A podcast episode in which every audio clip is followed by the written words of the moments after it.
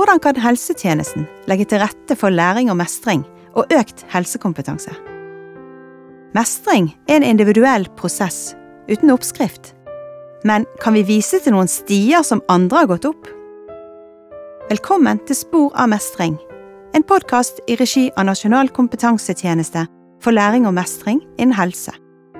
Mitt navn er Hilde Blindheim Børve. Jeg er spesialrådgiver og har i mange år jobbet med pedagogikk i en helsekontekst. Velkommen til Spor av mestring, Ann-Britt Sandvin Olsson. Vi er kollegaer, og du har lang fartstid som spesialrådgiver ved Nasjonal kompetansetjeneste for læring og mestring innen helse. Kan ikke du før vi starter fortelle litt om deg selv, eh, Ann-Britt? Litt om din reise der du er i dag som stipendiat? Jo, takk, eh, Hilde. Jeg syns det er veldig kjekt å komme til denne podkasten vår. Det syns jeg er en artig ting. Og ja, vi er jo begge vestlendinger, det hører du jo. Uh, ja, min reise. Jeg har tatt utdanning i USA. En bachelor i forskningsrett og psykologi. Og så har jeg tatt fysioterapiutdanning i Bergen. Og så har jeg jobba i turnus i Hammerfest på sykehuset der, og i Kvalsund kommune, før jeg reiste til Oslo og begynte på Oslo universitetssykehus som fysioterapeut. Og så havna jeg både på ja, hjerte, lunge og thorax der, og så var jeg på barnesenteret ei stund. Og så begynte jeg å ta hovedfag i helsefag på Universitetet i Oslo, og endte da opp med familieprosjekt eh, ved det som var NKLMS da. Og den jobba jeg i, i noen år, og så ble jeg spesialrådgiver ved NKLMH, og så er jeg blitt stipendiat nå ved NKLMH. Ja. Stipendiat, det betyr altså at du holder på med en doktorgrad? Det gjør jeg. Ja. Og da er det viktig òg å si at eh, ph.d.-prosjektet mitt det er finansiert av stiftelsen DAM og arbeidsstedet vårt, Nasjonal kompetansetjeneste for læring og mestring innen helse, ved Oslo universitetssykehus. Og du forsker på brukermedvirkning på tjenestenivå. Kan du si litt om det? Ja. Vi regner jo ofte at det er tre forskjellige nivåer ofte snakker vi om i, med brukermedvirkning, og det jeg holder på med, som du sier, det er på tjenestenivå.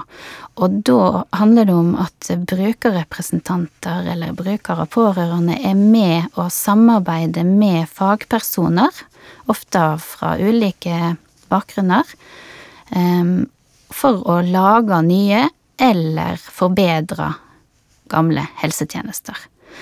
Og eh, da er det akkurat det samarbeidet vi ser på, og det som står i fokus. Og da snakker vi om brukermedvirkning på tjenestenivå. Ja, den første artikkelen din i dette doktorgradsarbeidet, eh, den er publisert i det anerkjente tidsskriftet Patient Education and Counseling.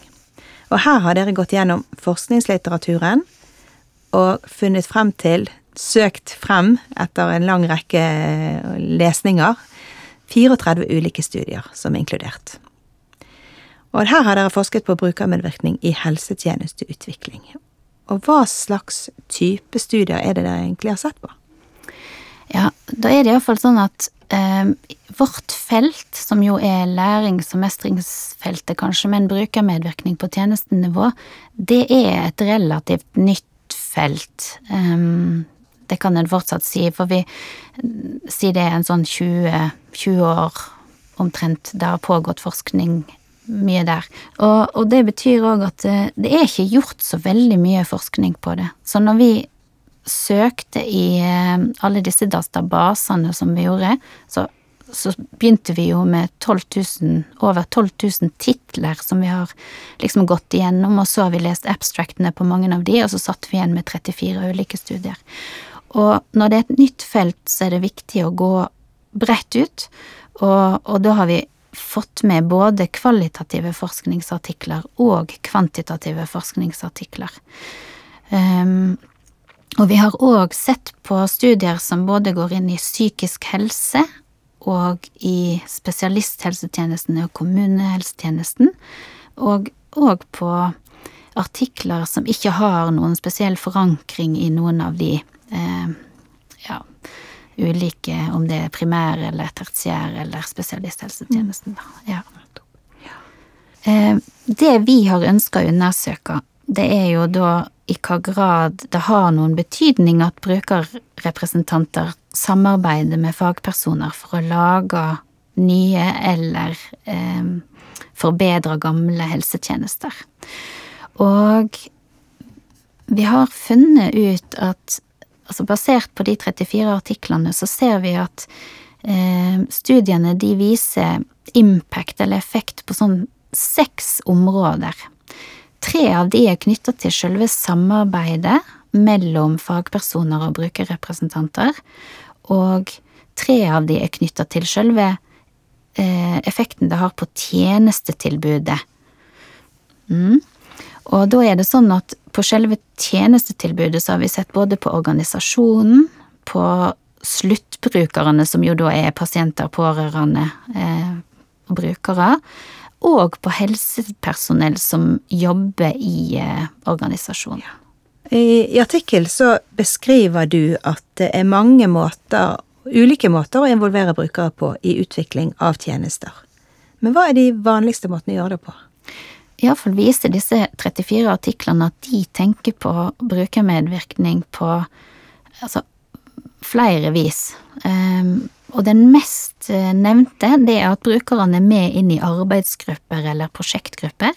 Det er litt sånn likt sånn som vi eh, er vant med å gjøre det i lærings- og mestringsfeltet, at vi tar med to brukere inn i samarbeid med fagpersoner for å lage nye tilbud. Men så kan de òg være medlemmer i et panel eller en komité eller referansegruppe. Og den tredje eh, vanligste rapporterte måten å ha brukermedvirkning på, det, har de, eh, det er å være med i workshop eller i fokusgruppeintervju. Og så er den fjerde det å bli spurt om noe, altså bli spurt av fagfolk. Eh, Få en uttalelse. ja, få den, den det er mer sånn konsultasjon, at de setter ned eh, At de har ei gruppe med, med, brukere som de lurer på Har noen ting de lurer på, og, og spør brukerne om det, og så får de innspill. Mm. Mm. Det er de mest vanlige Ja. måtene som ja, folk i disse studiene snakker om brukermedvirkning på. Men eh, hva betydning har denne involveringen egentlig?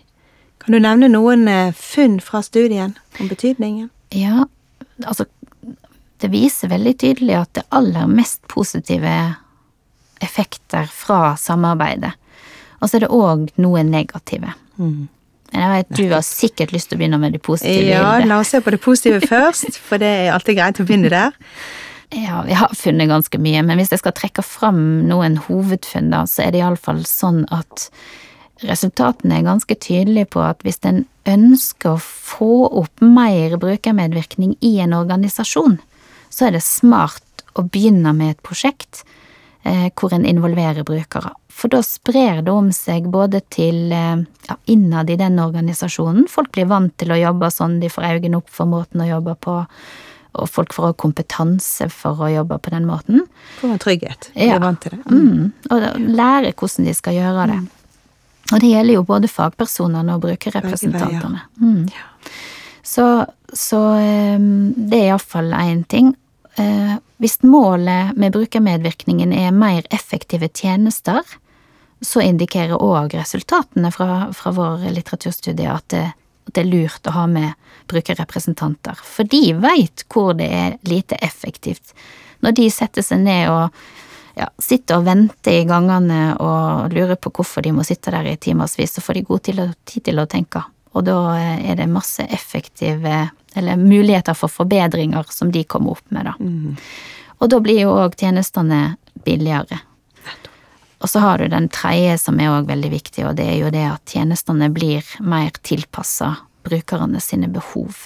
Og fire av studiene har òg nevnt at det i siste rekke påvirker eh, helsa til sluttbrukerne, da, fordi at du får tjenester som er mer treffende, da. Det er jo utrolig vesentlig at du får treffsikkert tilbud. Ja. Ja.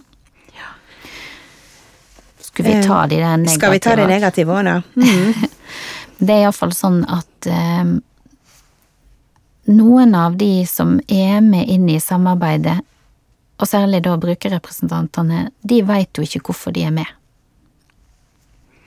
Og det er jo ikke en enkel sak. Um, og hvis de ikke veit hvorfor de sitter der, så kan de jo heller ikke gjøre en god jobb. Ja, det er forståelig. Ja, og så blir det mye usikkerhet.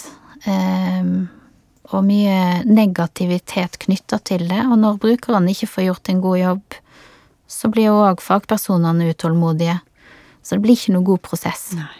Så der det ikke er ja, Der det ikke ligger til rette for å få til gode prosesser, folk veit hva de skal drive med, og hvorfor de er der, og hva som er forventa av de.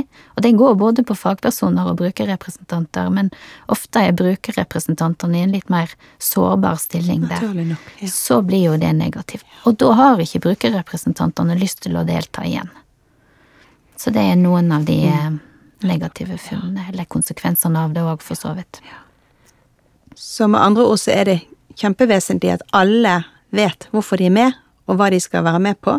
Mm. Så med andre ord, igjen, god informasjon, trygghet, avklaring i rollen og en forventningsavklaring. Så enkelt og så vanskelig. Ja, det er nok eh, gode poeng, det.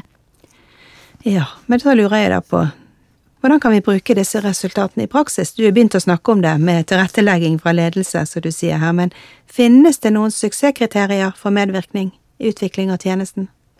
Ja, det gjør det, og vi har iallfall lagd ei liste eh, basert på det som de 34 studiene sjøl hadde lista opp, da. Men, og der er det helt det er liksom fire ting som nevnes aller mest, og, og det, det, første og mest avgjørende er dette at en må ha støtte til brukermedvirkningsprosjektet fra ledelsen. Eh, det tredje suksesskriteriet som er eh, veldig ofte er nevnt, det er dette å innlemme brukere altså som en del av teamet eller prosjektgruppa, og få de, få de virkelig med i prosjektarbeidet. Eh, og at deltakerne òg blir kjent med hverandre og får gjensidig respekt for hverandre og kan jobbe på det grunnlaget godt i hop. Så de to siste det er litt sånn mer sånn praktiske ting, mens de, nei, de to første er litt mer sånn praktiske ting med å få støtte fra ledelsen og avklare roller, mens dette greiene med å inkludere folk og respektere og ja, det går på litt andre Holdninger, rett og slett. Ja, det gjør jo det. Ja. Det er litt annerledes type jobbing som må til, og kanskje andre teknikker som må til for ja. å få det til, da. Mm. Mm. Det høres kjent ut, det du sier her, eh, Ann-Britt. Um, og vi skal gå mot en avrunding, men er det noe mer du vil trekke frem før vi, eh, før vi avslutter? Ja, kanskje, kanskje dette med at eh, Jeg tror faktisk at brukermedvirkning kan gjøres på forskjellige måter. Eh, men Og jeg tror det er veldig viktig å tenke nøye gjennom hva type medvirkning som trengs i hva sammenheng og hva følger det kan få for både fagpersoner og brukerrepresentanter å samarbeide mellom de og for resultatet. For vi som fagpersoner, vi kan i stor grad bestemme hva type medvirkning vi vil ha fra brukerrepresentantene. Så, så da må vi kanskje òg samtidig tenke over hva vi må gi rom for, da, når vi involverer brukere på vår side. Så uansett så tenker jeg at det er viktig å være klar over at den formen for medvirkning vi velger, den har betydning for alle involverte, og særlig da for rollen som fagpersoner sjøl får i det samarbeidet. Og så har jeg òg lyst til å nevne de som har vært med å jobbe på denne studien med meg. Det er min hovedveileder Anita Strøm, og så har jeg med meg Una Stenberg og Mette Mette Haaland Øverby, som er mine kollegaer ved NKLMH. Og så er det Kari Fredriksen ved LMS i eh, Stavanger, på sykehuset der. Mye spennende her, eh, Ann-Britt, eh, og da må jeg bare si tusen takk for praten i denne omgang. Og jeg vet at du snart vil publisere flere artikler, og jeg gleder meg til å kunne invitere deg tilbake for å presentere nye funn innen brukermedvirkning. Takk for at du kom, Ann-Britt. Sjøl takk. På gjenhør til nye samtaler om spor av mestring.